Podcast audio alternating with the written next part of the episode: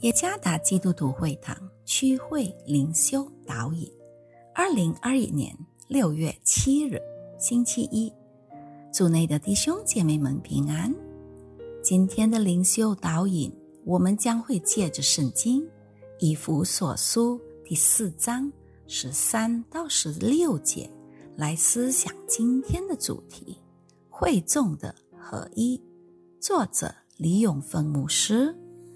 以弗所书第四章十三节，只等到我们众人在真道上同归于一，认识神的儿子，得以长大成人，满有基督长成的身量，使我们不再做小孩子，中了人的诡计和欺骗的法术，被一切异教之风摇动。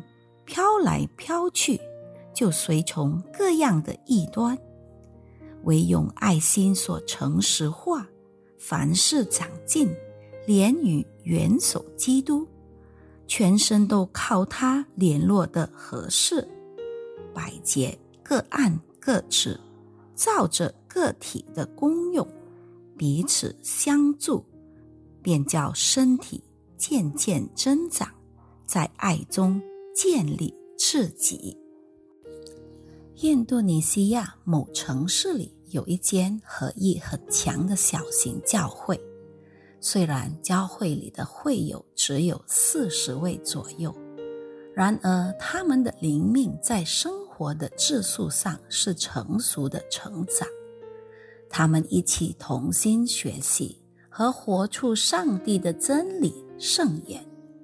他们是经历了。品格的蜕变而活得像基督，这就是让他们热爱合一的原因。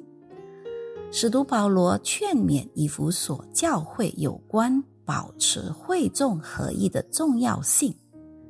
虽有不同的恩赐，有不同的侍奉，然而这不会成为保持教会会众合一的问题。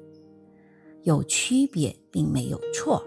有错的是，在会众当中的每一位人员没有认真的来建立他们灵命的成熟，因此影响了他们的群体。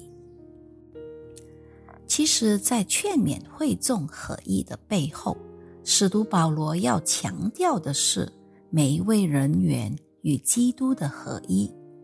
每一位人员必须觉悟，在他们每个人生活中需经历被基督充满的重要性，因此使他们经历品格的蜕变而活得像基督。参看十三节，意思说，每位人员从内心里开始操练活得像基督，透过思想和遵循上帝的圣言。这样，每一位人员将会越操练，越拥有像基督的思想和感觉，如谦卑、温柔、忍耐、仁爱、良善、保守合一和完整。那也是灵命成熟的一个记号，一边每一位人员能够很容易的接受恩赐的不同，服饰的不同。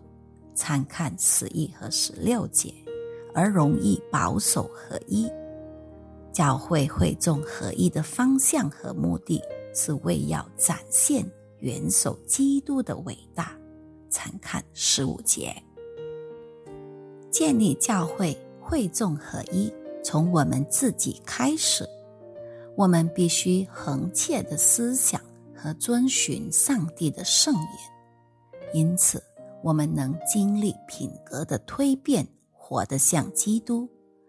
我们的心更加充满着爱、谦卑、温柔、忍耐、宽容、接纳，不再是憎恨、嫉妒、骄傲、自私、忽视。那将会方便我们参与保守教会会中的合一，而不是会中的分裂。让我们与建立合一的精神魄力来扮演各自的角色，透过我们的合一来展现基督的身体，荣耀上帝的名。唯有当每一位人员都经历品格的蜕变，活得像基督时，教会会众合一才会发生。愿上帝赐福大家。